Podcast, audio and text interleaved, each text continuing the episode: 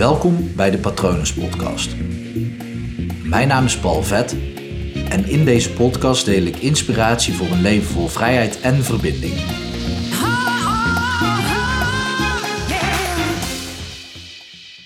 Stel je rijdt op de snelweg. 130 km per uur, toen dat nog mocht. En opeens is er gevaar en trek je volle bak aan de handrem. Je trekt hem helemaal aan totdat je stilstaat. Maar je blijft gas geven. Is natuurlijk niet hoe je het doet op de snelweg, maar dit is wel wat er gebeurt in je lichaam op het moment als er een trauma zich vastzet. Vroeger, trouwens nog steeds, als een hert wordt achterna gezeten door een tijger. Dat hert heeft op dat moment dezelfde ervaring als die jij hebt in een levensbedreigende situatie. Verhoogde hartslag, verhoogde, versnelde ademhaling, spanning in je lijf, cortisol giert door je lichaam heen. En zo zijn er nog meerdere lichamelijke processen die aanstaan en een aantal processen worden uitgezet. Want voor het rennen, wegrennen van een tijger, heb je je darm even niet nodig. Het maakt niet uit dat je even eten moet verteren je nagels stoppen met groeien, je haren stoppen met groeien. Dus er zijn veel meer processen in gang gezet. En heel veel processen liggen stil op dat moment. Dus dat hert dat sprint en dat sprint weg voor zijn leven. Maar er is niks om zich achter te beschermen. Uh, er zijn geen obstakels in de buurt om de tijger te ontwijken. Dus die tijger die nadert en nadert en die komt steeds dichterbij. En hoe dichter bij de tijger is, hoe meer het onbewuste brein van het hert. Een hert heeft niks anders dan een onbewust brein, maar in dit geval staat het voor jou. Dus jouw onbewuste brein neemt het steeds meer en meer over. Jouw bewuste brein wordt uitgeschakeld omdat dat gewoon weg te traag is. Nou, bij een hert heeft alleen een onbewust brein. Dus die, dat werkt ook, dat onbewuste werkt ook op dat moment gewoon keihard, keihard aan het werk om maar te proberen te overleven. Dat is de enige missie die dat hert in die situatie heeft. En bij jou, voor jou geldt dat net zo in een levensbedreigende situatie. En net voordat die tijger dat hert grijpt, want dat is onvermijdelijk op het moment als er niks om hem heen is om zich bij te verstoppen. Op het moment als dat hert dus bijna wordt gegrepen door die tijger, zakt hij in elkaar, verlamt hij, bevriest hij, speelt hij dood. En dat doet hij dus niet bewust, want een hert heeft geen bewust brein. Maar dit is ook een staat die jij zou kunnen bereiken in een levensgevaarlijke situatie. Dus dat hert speelt dood en bevriest, verlamd. Dat is hetzelfde als een handrem aantrekken wanneer je midden op de snelweg rijdt. Maar op het moment dat je dat doet, ook bij dat hert, als zijn hartslag eerst heel erg versneld is en zijn ademhaling ook versneld is, en opeens moet je doen alsof je dood bent, dan moet dat in één keer ook gaan liggen. Dan moet dat zo dusdanig vertragen dat het lijkt alsof hij dood is. Dus dat die tijger denkt, oh hij is dood, ik sleep hem gewoon mee naar mijn hol. Want ja, tijger gaat hem daar niet op eten. Sleept hem naar zijn nest, hol, waar het ook is, en uh, focust zich op zijn jongen. Of op andere dingen, doet een dutje. En dat hert dat ligt daar en probeert zijn oogleden op te tillen om te zien of dat de kust misschien eventueel veilig is. Dus dat hert tilt misschien wel één ooglid op, ik weet niet of dat hij dat kan, en kijkt eronder door en ziet dat de tijger even niet oplet en boom, dat hert schiet weg richting de veiligheid en vrijheid. Als het goed is, heeft de tijger het niet opgemerkt, dus hij sprint en sprint Totdat hij uiteindelijk wel ergens bij een bosje aankomt of ver genoeg is dat de tijger hem niet meer kan zien. En dat hert gaat dan uh, lekker even uithijgen. Zo. Ik ben veilig. Letterlijk een zucht van verlichting. En wat er op dat moment gebeurt, dan begint dat hert te schudden. Helemaal te shaken. Helemaal te shaken, omdat die energie die nog in zijn systeem zat van het vluchten daarvoor, van het op de rem trappen, dat was vastgezet in zijn systeem. De vlucht daarna had niks meer met die eerdere vlucht te maken. Dus dat op de rem trappen. Je kan het zo zien alsof jij volle bak op de rem, eh, eh, de handrem hebt aangetrokken, op het gas, gas blijft geven, ondertussen in een nieuwe auto stapt en dan even vlucht. Maar in die auto, oude auto, daar ga je weer naar terug, want dat is jouw auto. Daar is nog steeds de handrem aangetrokken terwijl er gas wordt gegeven. Oftewel, daar gebeurt niks. Alleen wat dat hert dus doet, die springt in de oude auto, die rukt de handrem eraf en die begint keihard te shaken. Helemaal te schudden. Helemaal alles uit zijn systeem kwijt te raken. Die energie, die wordt eruit getrild. En je kunt je voorstellen dat als je heel je lijf begint te schudden, dat dat heel veel energie kost. Nou, die energie komt er dus uit. En dat is goed. Echter, wij mensen, wij blijven dus in die auto zitten, wij trekken die handrem aan en wij blijven gas geven. Ook als we weer veilig zijn, dan gaan we gewoon weer nog meer gas geven. En dan komen we wel vooruit, maar dan is onze handrem nog steeds aangetrokken. En natuurlijk, op het moment als een traumatische ervaring geweest is, dan zal je wel vooruitkomen in het leven. Maar ergens heb je nog het idee dat je met de rem erop leeft. Wat ook klopt, want dat, dat is zich vast gaan zetten in je systeem. En dan kan het wel eens gebeuren dat je gewoon letterlijk bewust denkt: hé, hey, dat is al zo lang geleden. Ik ga toch een keer een onveilige situatie opzoeken. Tenminste, een situatie opzoeken die potentieel gevaarlijk zou kunnen zijn, omdat je toch verder wil met je leven. Alleen wat je dan doet, is in één keer die handrem eraf halen. En op het moment dat je dat doet, als je volle bak gas geeft in een auto en je haalt in één keer de handrem eraf, dan beginnen je banden te spinnen, te roken, lawaai te maken. Heel je auto begint te glijden en te wiebelen. Ja, dat is super onveilig. Een super onveilig gevoel voor je.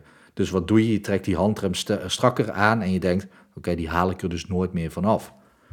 Zo kan je trauma's ook stapelen. Het onhandige daaraan is, is dat die energie dus in je lijf blijft zitten. Ik heb in een aflevering, volgens mij heeft die, uh, heet die in 10 minuten van mijn trauma af. Ik weet niet zeker hoor. Ehm, nee, ik denk dat die anders heet. Want het was geen 10 minuten, het is 20 of 25 minuten geweest. Maar ik ben zelf in hypnose geweest om een van mijn trauma's op te lossen. En ik ben toen 20 of 25 minuten lang aan het trillen geweest. En dat was helemaal geen energie die ik net daarvoor had opgeladen. Nee, dat komt nog vanuit mijn jeugd. Dus die energie moest nog steeds uit mijn systeem. Kun je nagaan dat iets wat. Ik ben teruggegaan naar een moment toen ik drie jaar was. De vraag is, en ik had het daar gisteren al over. Herinneringen zijn waar, niet waar of vermengelingen van. Of dat het echt is gebeurd toen ik drie jaar was. Of dat die situatie die ik heb beleefd in de regressie. Of dat dat daadwerkelijk de situatie was.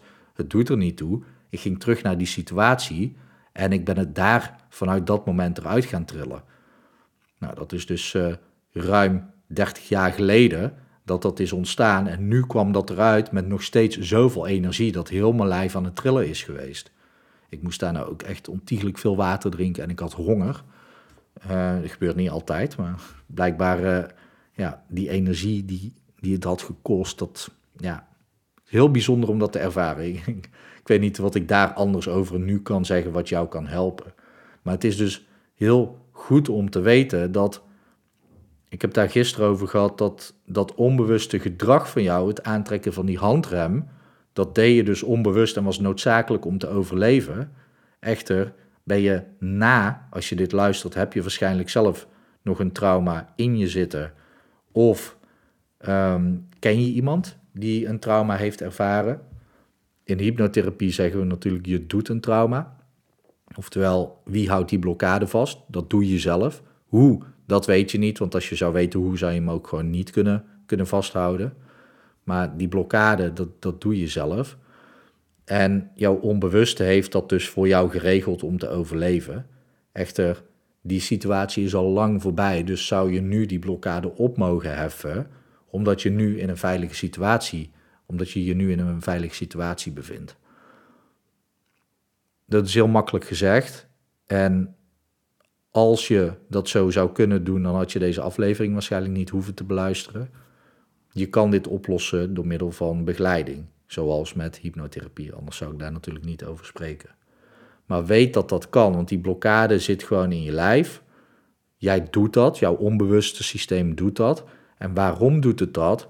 Omdat als jouw onbewuste 100% zou geloven dat jij nu veilig zou zijn, dan zou het die blokkade ook niet meer vasthouden. Dan zou het die rem niet meer hoeven aan te trekken. Echter, wat er gebeurt is dat trauma's uit het verleden worden in het heden getriggerd. De tijgers, zoals het hert uh, last had van een tijger. Je hebt geen tijger die achter je aan zit in de, in de vorm van een tijger, maar er zijn legio tijgers om je heen. Want als je op social media zit, dan kan het zomaar zijn dat iemand, als je een keer iets plaatst, een negatieve opmerking daaronder plaatst. Of je werkt met collega's die wel eens vervelend uit de hoek kunnen komen. Misschien heb je een baas uh, waar je bang voor bent. Ik wou zeggen die je spannend vindt, maar dan krijg je er waarschijnlijk andere gedachten bij. Uh, waar je misschien bang voor bent. Um, misschien moet je op je werk wel taken verrichten die je spannend vindt om te doen. Uh, misschien voel je je niet op je plek binnen je vriendengroep. Uh, het onhandige is dat alles om je heen, je omgeving, de mensen om je heen, jouw patronen, houden jouw trauma ook in stand. Omdat jouw trauma is nog steeds bezig, en ik noem het even jouw trauma alsof het een, een bewustzijn is, maar om uh, dingen te vermijden. Om ervoor te zorgen dat je niet nog een keer tegen zo'n traumatische ervaring aanloopt. Wat natuurlijk hartstikke logisch is. Dus heb jij heel jouw leven zo ingericht dat dat waarschijnlijk niet gaat gebeuren. En dat is heel veilig, maar dat is dus een automatische rem, een externe rem, die je voor jezelf hebt ontwikkeld, om ervoor te zorgen dat je dus niet meer tegen een gevaarlijke situatie aan gaat lopen. Maar op het moment, en dat kun je je echt wel voorstellen, dat jij dus op onbewust niveau doe je dit, hè, dingen gaat vermijden. Als jij gaat vermijden om verbinding te maken met mensen, omdat je bang bent om gekwetst te worden. Onbewust, hè? Misschien ook bewust, misschien besef je dat ook. Of je gaat bepaalde situaties vermijden omdat je bang bent om afgewezen te worden. Misschien vermijd je situaties omdat je je onzeker voelt over bepaalde dingen, over jezelf dus. En al die dingen samen zorgen ervoor dus dat het systeem, want dat is dus alles, de patronen, omgeving, de mensen om je heen, dat is het systeem wat dus jouw gedrag en jouw trauma in stand houdt. Kan je dan op een berg gaan zitten in Nepal om dan van je trauma af te komen en dan daarna terug te komen en dat het dan helemaal anders is? Ja en nee, het ligt eraan wat je op de berg in Nepal doet. Ga je daar alleen maar zitten, dan niet. Ga je daar hypnotherapie hebben? Wel, alleen daar hoef je dus niet voor naar een berg in Nepal. En ja, ik weet het, ik heb zelf reizen georganiseerd naar Nepal en er komt er als het goed is in 2021 weer één aan. Pin me er niet op vast. Maar ook daar doen we oefeningen om ervoor te zorgen dat je bepaalde patronen in jezelf verandert. En het veranderen van patronen is dus lastig, omdat je huidige patronen houden bepaalde dingen in stand die jou iets opleveren. In dit geval houdt het vasthouden van jouw trauma, levert het jou op dat je in veiligheid waant. Ik zeg waant, want het is ook schijnveiligheid. Maar op het moment als het voor jou veilig voelt, dan is dat reden genoeg voor jou om dus alles, al je patronen, inclusief je trauma's, in stand te houden. En dat maakt het zo lastig om bewust van je eigen trauma af te komen zonder bepaalde therapievormen te, um, toe te laten passen op je. Um, eigenlijk doe je dat zelf natuurlijk, want op het moment dat jij in therapie gaat, dan ben jij degene die dus door jouw probleem heen, werkt, dus ook door jouw trauma. En op het moment dat je dat doet, dan is het handig als je begeleid wordt door mensen. Is hypnotherapie de enige variant? Nee, EMDR is ook een hele goede manier. Echter word je dan heel duidelijk geconfronteerd met je trauma. En dat doen we in hypnose, in regressie ook. Alleen ben je dan in hypnose en voel je je iets meer gedistanceerd van die situatie. Dus dat voelt wat ja, minder onveilig als je het zo zou kunnen zeggen. Maar je begrijpt, neem ik aan, wat ik bedoel. Uh, maar EMDR zou ook een goede manier zijn. Um, lichaamswerk kan natuurlijk ook. En zo zijn er legio voorbeelden van dingen die kunnen werken voor het oplossen van een trauma. Uh, maar ja, ik ben natuurlijk hypnotherapeut, dus ik zou zeggen, ga naar een goede hypnotherapeut. Ik bied tegenwoordig zelf ook online aan. Dus mocht je een klik met me voelen, stuur mij vooral een berichtje. Dan hebben we uiteraard eerst een intakegesprek om te kijken of dat we daadwerkelijk een klik hebben. En of dat ik denk dat ik de juiste persoon voor jou ben. En andersom, dat jij denkt dat ik de juiste persoon voor jou ben. Dat is aan, aan beide kanten natuurlijk. Maar laat me dan vooral even weten. Je kan me gewoon een mail sturen op paul.hypnopal.nl of op mijn website kijken www.hypnopal.nl om te zien wat ik voor je kan betekenen. Ik zag gisteren dat mijn pagina over traumaverwerking momenteel offline is. Super onhandig, maar dat, uh, dat fix ik even. dus uh, verwacht dat die de komende week online zal staan. Ik hoop natuurlijk dat het goed met je gaat. Ik hoop dat, dat je dit luistert omdat je het wil begrijpen voor iemand anders en dat je zelf niet met een trauma zit, want dat gun ik je niet. Doe je dat wel, ga dan alsjeblieft erin geloven dat je ook die handrem er vanaf kan halen. En dat levert je zoveel meer vrijheid en ontspanning en rust op. En ook een veel veiliger gevoel. Nou goed, laat het me weten. Ik hoop dat het goed met je gaat. Ik hoop dat het goed gaat met dierbaren van je. En ik wens je uiteraard ook nog gewoon een hele mooie dag toe.